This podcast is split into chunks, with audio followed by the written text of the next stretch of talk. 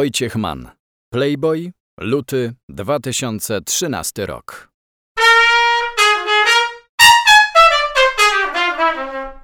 Jak w pana sytuacji zachowałby się teraz żelazny karzeł Wasyl, jedna z kultowych postaci audycji nie tylko dla orłów? Spytałby zapewne, czy macie dla niego jakąś żelazną partnerkę. On wciąż poszukuje ludzkich przeżyć, a nie mechanicznych. W końcu jednak i tak by zginął, jak w każdej opowieści. Jak wyzionąłby stalowego ducha w obliczu Playboya? Zatarłyby mu się tryby w pewnej części ciała. Mamy podejrzenie, że Gandalf, inny bohater pańskich opowieści, zakrywa pewne części ciała samonośnymi pończochami. Niewykluczone. Zdarzało się przecież, że rajstopy mu się potargały. Dlatego samonośki to rozwiązanie w sam raz dla Gandalfa. Pytanie tylko o kolor i rodzaj. Większość absurdalnych postaci z ostatniej pana książki Kroniki wariata z kraju i ze świata ma rodowód radiowy, a wszystkie mają potencjał telewizyjny. Czy jest szansa, że zmaterializują się w formie audiowizualnej? Chyba nie, czego żałuję. Co innego czytać, a co innego oglądać skecze. Mam wrażenie, że czytelnicy mogą mieć problem z odbiorem tej książki. Bo do niej trzeba się przekonać. Nie od razu złapaliśmy ten humor. Bite 15 minut zastanawialiśmy się, co to do cholery w ogóle jest. Przyzwoity wynik. Podejrzewam, że są osoby, dla których 15 dni to będzie za mało, a może i 15 miesięcy. I wcale się nie dziwię. Ci, którzy spodziewali się kontynuacji moich poprzednich książek, mogą się poczuć zdezorientowani. My poczuliśmy się zdezorientowani, kiedy odkryliśmy, co najczęściej wpisują internauci w Google w połączeniu z pana nazwiskiem. Ile waży Wojciech Mann? Ile wolnego czasu muszą mieć ci ludzie? Tylko pozazdrościć. Muszą być bardzo szczęśliwi, mając takie priorytety. Dyskusje postronnych o mojej tuszy zawsze mi towarzyszyły. To wręcz sprawa narodowa. Pańska postura to wada czy zaleta? Pod kątem marketingowym każdy, kto choć trochę się wyróżnia, ma większą szansę na zaistnienie w zbiorowej świadomości. Gdybym był szarym, niepozornym obywatelem, niewątpliwie byłoby mi trudniej. Z tej perspektywy to zaleta. Wady ujawniły się znacznie wcześniej. W podstawówce każdy nowy nauczyciel zapamiętywał mnie pierwszego. Miałem nietypowe nazwisko i byłem grubszy od kolegów. Do dziś, jak ktoś mnie nie lubi, zawsze mi wytknie, że jestem tłusty i obrzydliwy. Częściej wyczuwam jednak w ludziach pierwotną sympatię do grubszych, którzy wydają się im łagodniejsi, mięksi w dotyku. Może nawet myślą, że jak się stanie obok mnie, to będzie im cieplej? Twierdzi pan, że nie lubi się oglądać i słuchać. Kokieteria? Wolę słuchać. Ale nie chodzi mi o to, że nie da się na mnie patrzeć, że jestem aż taki brzydki. Jestem po prostu wobec siebie bardzo krytyczny i jak widzę, że coś mogłem zrobić lepiej, szlak mnie trafia. Nie uwierzymy jednak, że nie ma pan wiernych i oddanych fanek. Zdarzają się. Uważam, że to wielka nagroda za te wszystkie lata ciężkiej pracy. Pamiętajcie jednak, że radio daje kurtynkę, poza którą wyobraźnia ludzi pracuje inaczej. Może to was zdziwi, ale spotykam jeszcze osoby, które mnie nigdy wcześniej nie widziały, ale niestety również takie, które mnie nigdy nie słyszały, co już trochę boli. Czy wytykanie panu przekleństw na antenie również boli? My pamiętamy pana słynny jeden raz. Ten raz mógłbym zamienić na sformułowanie niewiele razy. Jestem staromodny i uważam na tego typu wyskoki. Musiałbym się bardzo zdenerwować albo być w niewłaściwym stanie, a w niewłaściwym stanie nie przychodzę do pracy. Włączony mikrofon po prostu bywa zrządzeniem losu. Ale święty oczywiście nie jestem i używam wyrazów wszelakich, jak każdy. Nie każdy jednak ma szansę uczestniczyć w publicznej dyskusji o robieniu laski. Piją panowie do mojej słynnej audycji z Manuelą Gretkowską? Pani Manuela mnie nie zaskoczyła, bo wiedziałem, że coś takiego może nastąpić. Nie byłem więc zszokowany. Oczywiście można tę czynność opisać innymi słowami, ale nie bądźmy obłudni. Wiem, że nie wszyscy robią sobie laskę, ale na pewno wiedzą, jaka to jest czynność i czemu służy. A to, że gdzieś na świecie są osoby, które tego nigdy nie doznały, to już ich problem. Kierownictwo było ponoć zachwycone tą audycją. Tylko przez chwilę. Potem przyszła refleksja i wszyscy byli przerażeni. Na początku była reakcja autentyczna, która później uległa przemyśleniu. Na szczęście już dawno nie ma tego kierownictwa.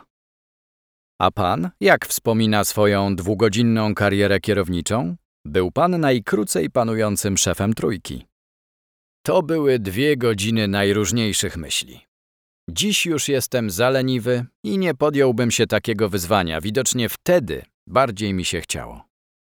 I tak, kiedyś będzie pan szefem trójki. Dla nas to pewnik. A dla mnie nie. Wolę coś pogadać, płytkę puścić, pożartować. Bardzo często twierdzi pan, że jest leniwy. Tymczasem to nieprawda. Drodzy panowie się na mnie nie znają. Jestem klasycznym kryptoleniem. Kolejna nieprawdziwa informacja na pana temat jest taka, że nie lubi pan udzielać wywiadów. W sieci jest ich ze sto. Nie przepadam za wywiadami, bo według mnie powinna to być rozmowa, która interesuje dwie strony. Zwykle tak nie jest. Szczególnie męczą mnie standardowe zestawy pytań typu: Wiem, że ma pan syna Marcina. Jak pan go wychowuje? I co mogę powiedzieć? Bredzę w stylu, żeby był dobrym człowiekiem. To my w takim razie nie standardowo dla pana, a standardowo dla nas. Pamięta pan swojego pierwszego Playboya? Była to bardzo zaczytana, przemycona amerykańska edycja. Wcześniej czytałem o Hefnerze i całej idei, ale propaganda PRL-u przedstawiała Playboya w takim świetle, że człowiek miał stracha, że Pan Bóg pokaże go na samą myśl. Bać się nie bałem, ale lekka emocja była, nie powiem. Ile miał pan lat? Naście. To było jeszcze przed moim pierwszym wyjazdem na zachód, czyli przed 1964 rokiem. Wtedy w Anglii miałem inne pierwsze razy. Pierwszego Bonda i pierwszą Coca-Colę, która smakowała o niebo lepiej niż słynny wynalazek PRL-u, Polokokta. Żadna kola nie będzie już taka jak ta pierwsza. Tym bardziej, że najadłem się wtedy wielkiego wstydu. Nie byłem przygotowany na to, że ten napój jest tak bardzo gazowany. A działo się to w barze, w towarzystwie angielskich znajomych. Otworzyłem puszkę z namaszczeniem, złapałem łyk i tak ohydnie mi się odbiło, że chciałem się zapaść pod ziemię. Wracając do naszego magazynu, był pan może kiedyś w klubie Playboya? Podczas drugiego pobytu w Londynie zabrali mnie tam amerykańscy znajomi, którzy byli w bardzo różnym wieku. Od nastoletnich synów bogatych rodziców po dojrzałych wiekiem prezesów dużych korporacji. Muszę się przyznać, że byłem sparaliżowany strachem. Nie wiedziałem, czego się spodziewać. Okazało się, że jest zupełnie jak na zdjęciach. Dziewczyny z ogonkami i uszami roznoszą ekskluzywne drinki, a obok faceci grają w ruletkę. Zresztą właśnie wtedy przeżyłem swój kolejny pierwszy raz. Choć druga część tego zdania nie będzie już tak ekscytująca. Z kawą po irlandzku. Coś wspaniałego. A do tego jeszcze te wszystkie dziewczyny. Nie wiem, dlaczego nie straciłem wtedy przytomności. Jak się skończyło? Nie najlepiej. Amerykanie postanowili zmienić klub i radośnie wsiedli do swoich limuzyn i sportowych samochodów. Od Bentleyów przez Astony Martiny aż po Triumfa Spitfire'a. Ja byłem pasażerem w Jensenie, co fani motoryzacji na pewno docenią. Przejechaliśmy dwie przecznice i zatrzymali nas angielscy policjanci. Zobaczyli, że kierowcy są wstawieni, dzięki czemu wszyscy wylądowaliśmy na posterunku. Byłem tam jak ta myszka przerażona. Nie wiedziałem, czy skończę w tower, czy jednak wyjdę żywy. O dziwo, Amerykanie się z tego wyłgali. Podejrzewam, że w grę weszły paszporty dyplomatyczne. W Stanach też bywał pan w klubach Playboya? O dziwo nie. Byłem już doroślejszy i Ameryka oferowała mi inne atrakcje. Parę razy kupiłem nawet penthouse'a. Zdrada. Wybaczcie. Oni po prostu byli bardziej śmiali. A propos śmiałości. Jakby się pan zachował w sytuacji sam na sam z Moniką Bellucci? To zależy. Gdyby spytała mnie, czy pan wie, gdzie jest teraz Piotr Kaczkowski? To nie ukrywam, ale mógłbym być lekko wkurzony i pewnie bym stchórzył. W ogóle miałbym obawy przed takim spotkaniem. Dla mnie Monika Bellucci, mimo że przecież nie jest dwudziestoletnią debiutantką, ma nieprawdopodobną magię. Boję się, że w kontakcie osobistym mógłbym stracić śmiałość do kontaktu osobistego. No, chyba że pani Monice by na nim zależało, to wtedy kto wie. Pamięta pan pierwszy koncert, na którym był? Marino Marini w sali kongresowej. W listopadzie 1961 roku. Cóż to było za przeżycie? Proszę sobie wyobrazić, że on miał wzmacniacz przy gitarze, wielkości czterech paczek papierosów, ale był. Pierwsza płyta? Elvis Presley. Czarny singielek z dużą dziurą, oczywiście używany. Mama kupiła mi w prezencie. A pierwszą płytą, którą puściłem na moim gramofonie, był stary singiel Zbigniewa Kurtycza. Nie pamiętam, co się z nim stało, ale niewykluczone, że podzielił los innych płyt, które z siódmego piętra poszybowały na dach małej stacji benzynowej przy skrzyżowaniu Dobrej i Tamki. Sprawa chyba się już przedawniła, więc mogę spokojnie o niej mówić. Wszystkie stare płyty na 78 obrotów, które mi się nie podobały, wyrzucałem przez okno. Pracownicy stacji wychodzili na zewnątrz, zdziwieni, co tak stuka, ale nigdy nie chciało im się wejść na dach. Znaleźliby tam całkiem sporo kawałków światowej muzyki. Pożyczał pan swoje ulubione płyty? Z ciężkim sercem, ale zdarzało się. Miałem zaufanie do kilku osób. Pierwszą płytę pożyczył pan na pewno kobiecie w wieku szkolnym, zbliżonym do swojego. Nie pamiętam, ale za to właśnie taka kobieta popsuła mój magnetofon. Najpierw wybłagała go razem ze składanką przebojów mojego autorstwa, a potem w milczeniu i pośpiechu oddała. Magnetofon strasznie zwalniał. Domyśliłem się, że został na niego wylany płyn, który mógł być słodkim winem. Doprowadziło mnie to do konkluzji, że koleżanka zrobiła przyjęcie beze mnie, za to moim kosztem. Cios prosto w serce. Od straty magnetofonu bardziej chyba przeżyłem stłuczenie płyty Beatlesów, którego to czynu dopuścił się mój przyjaciel Andrzej Olechowski. Kopertę niósł nieprawidłowo. Płyta się wysunęła i spadła na betonowe schody. Chciałem go udusić. Dobrze jednak, że tego zaniechałem, bo potem zachował się jak dżentelmen i płytę odkupił. Dziś nie sposób upuścić albumu w formacie MP3. Młode pokolenie jest stracone. Pan nie jest chyba fanem cyfrowych formatów dźwiękowych. Nie chce się kreować na konserwatystę, że tylko gramofon. Słucham muzyki z różnych źródeł i sam czasem ściągam pliki z internetu.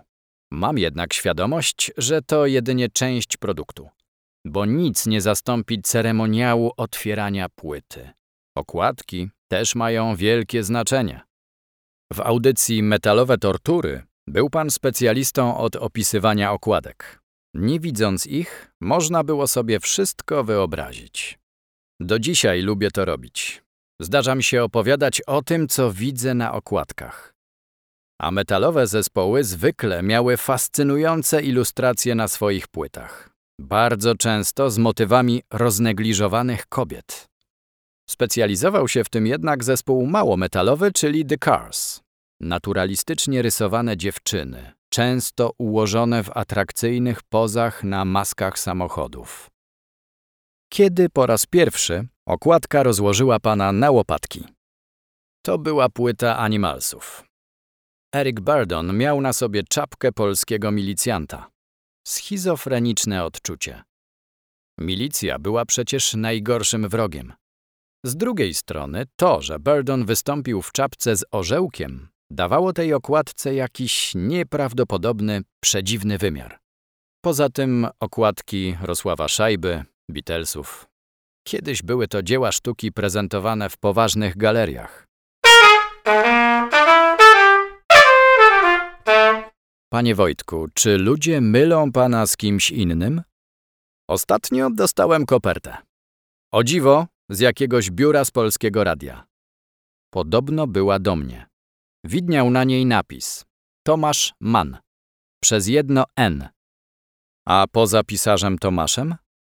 Niektórzy biorą mnie za kalisza. Wiadomo, że krągli i w okularach muszą być kaliszami.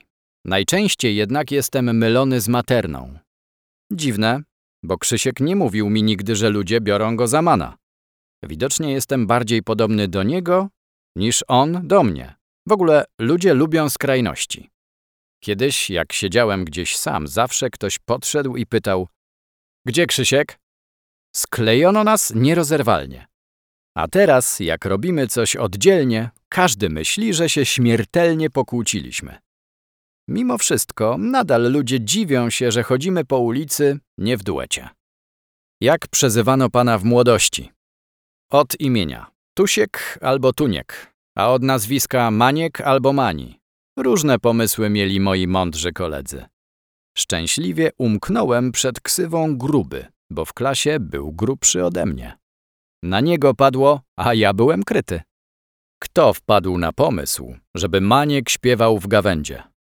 Mama chciała mnie jakoś nakierować. Wiedziała, że interesuję się muzyką, a ponieważ nie widziała różnicy między Presleyem a gawędą, to uznała, że zespół łączący harcerstwo z występami artystycznymi będzie dla mnie idealnym rozwiązaniem. Myślała, że syn rozwinie się artystycznie, a może nawet pojedzie za granicę. Liczyła także na to, że dzięki gawędzie będę się lepiej prowadził. Tymczasem kariery nie zrobiłem, zagranicy nie liznąłem, ale za to nauczyłem się palić. Gawędę wspominam z wielką przyjemnością. Było bardzo w porządku. Z czasem sprawa sama się rozeszła. Miałem inne zainteresowania. Ale do dziś z zadowoleniem odnotowuję, że mam gawędę w CV. Nie chciałby pan znowu zamieszkać na Powiślu? Dlaczego nie? Powiśle podoba mi się cały czas. Wypiękniało i zrobiło się bardzo modne. Mój sentyment do tej części miasta nie jest tylko deklaratywny. Bardzo długo w kiosku na rogu Tamki i Dobrej miałem teczkę na gazety, a wcale tam nie mieszkałem. Zasuwałem spod Warszawy raz w tygodniu, tylko po to, żeby wziąć gazety w moim kiosku. Mógłbym tam znowu zamieszkać, ale już nie w tym samym bloku. Chociaż nie wiem, czy wiecie, ale moje mieszkanie zostało opisane w Rolling Stone. Przyjechał kiedyś do Polski bardzo znany dziś dziennikarz, PJ O'Rourke, i jakimś trafem się zetknęliśmy. Zaprosiłem go do siebie i trochę wypiliśmy.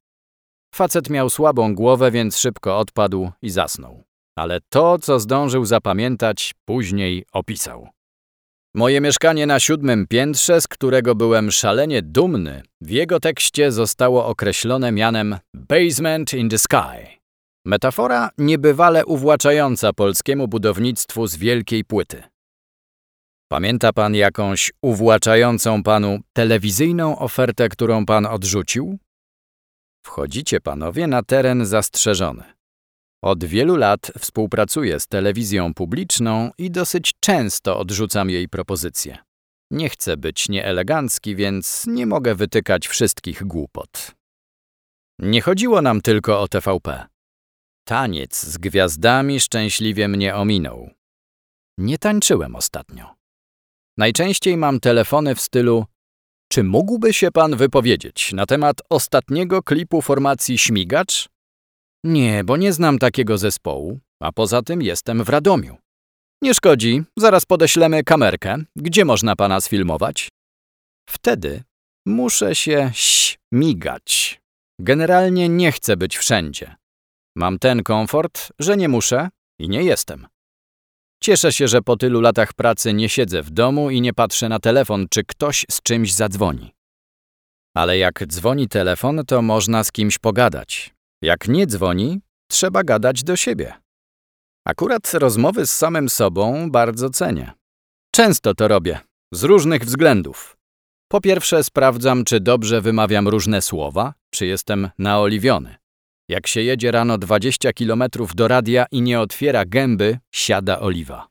A tak mogę poćwiczyć przed wejściem do trójki. A to coś skomentuję, a to jakąś obelgę rzucę.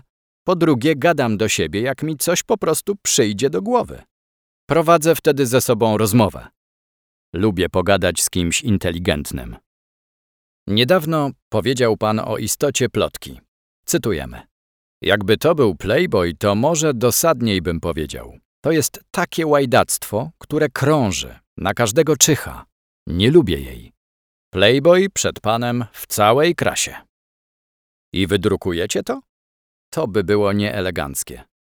Wolę, żebyście dalej kojarzyli się z ekscytacją, a nie z wulgaryzmami. Ale ładnie to ująłem. Jaką sesję chciałby pan do tej rozmowy? Zróbmy ją dziś albo jutro. Mam tylko jedną prośbę. Nie chciałbym brać w niej udziału. Parę lat temu mówił pan nam, że marzy o sesji w samych majtkach. W Hiszpanii. Doczekał się pan takiej propozycji? Niestety nie. Dlatego niedawno sam sobie zrobiłem takie zdjęcie. Samowyzwalaczem. Mam je w domu. Jest kolorowe. Nadal planuje pan wymienić sobie całą krew wzorem Kifa Richardsa? Za dobrze się prowadzę. Gdybym zachowywał się tak jak on, już dawno byłbym po. Jak patrzę na niego na koncertach, to może to jest właśnie sposób na dobrą formę. Facet ma siedem dych, a zachowuje się jakby miał dwie. Niewiarygodny gość. Ale znam takiego, który poddałby się tej transfuzji. Nazywa się doktor Wycior. Z audycji nie tylko dla orłów. To fakt, ale wzorem pana branie udziału we wszelkich licytacjach wyciorowi by ubliżało. Coś fajnego pan przynajmniej ostatnio wylicytował? Nie pamiętam, ale zwykle biorę udział w aukcjach sam. Interesują mnie płyty, którymi nikt inny nie jest zainteresowany. Czyli idealna, niebolesna licytacja i kupno po cenie wyjściowej. Wygrywam bez walki. Po co się męczyć? Kiedyś pan się męczył i walczył na poligonach. Słyszeliśmy, że był pan strzelcem wyborowym. Z bronią palną rzeczywiście szło mi wyśmienicie. Kałasznikowa rozebrałbym w ciemno. Zdjąłbym pokrywę i gazową rurę z nakładką, potem wyjąłbym suwadło, zamek i już. Z KBKS-em na przykład miałem bardzo dobre rezultaty. Pełne skupienie. Dziury były w tarczy tuż obok siebie. Chyba zaprzepaściłem wielką karierę militarną. Mógłbym być snajperem w służbach specjalnych, ale nie wiem, czy biorą tam snajperów w okularach. W niektóre miejsca, z których walą snajperzy, trzeba by mnie było wnosić, niczym armatę. Wojsko w moim życiu to temat na oddzielną rozmowę. Zaprzepaściliście panowie szansę. Może następnym razem spotkamy się przy okazji nowego numeru Polski Zbrojnej. Koniec. Czytał Łukasz Klinka, czyli połowa duetu wywiadowcy.pl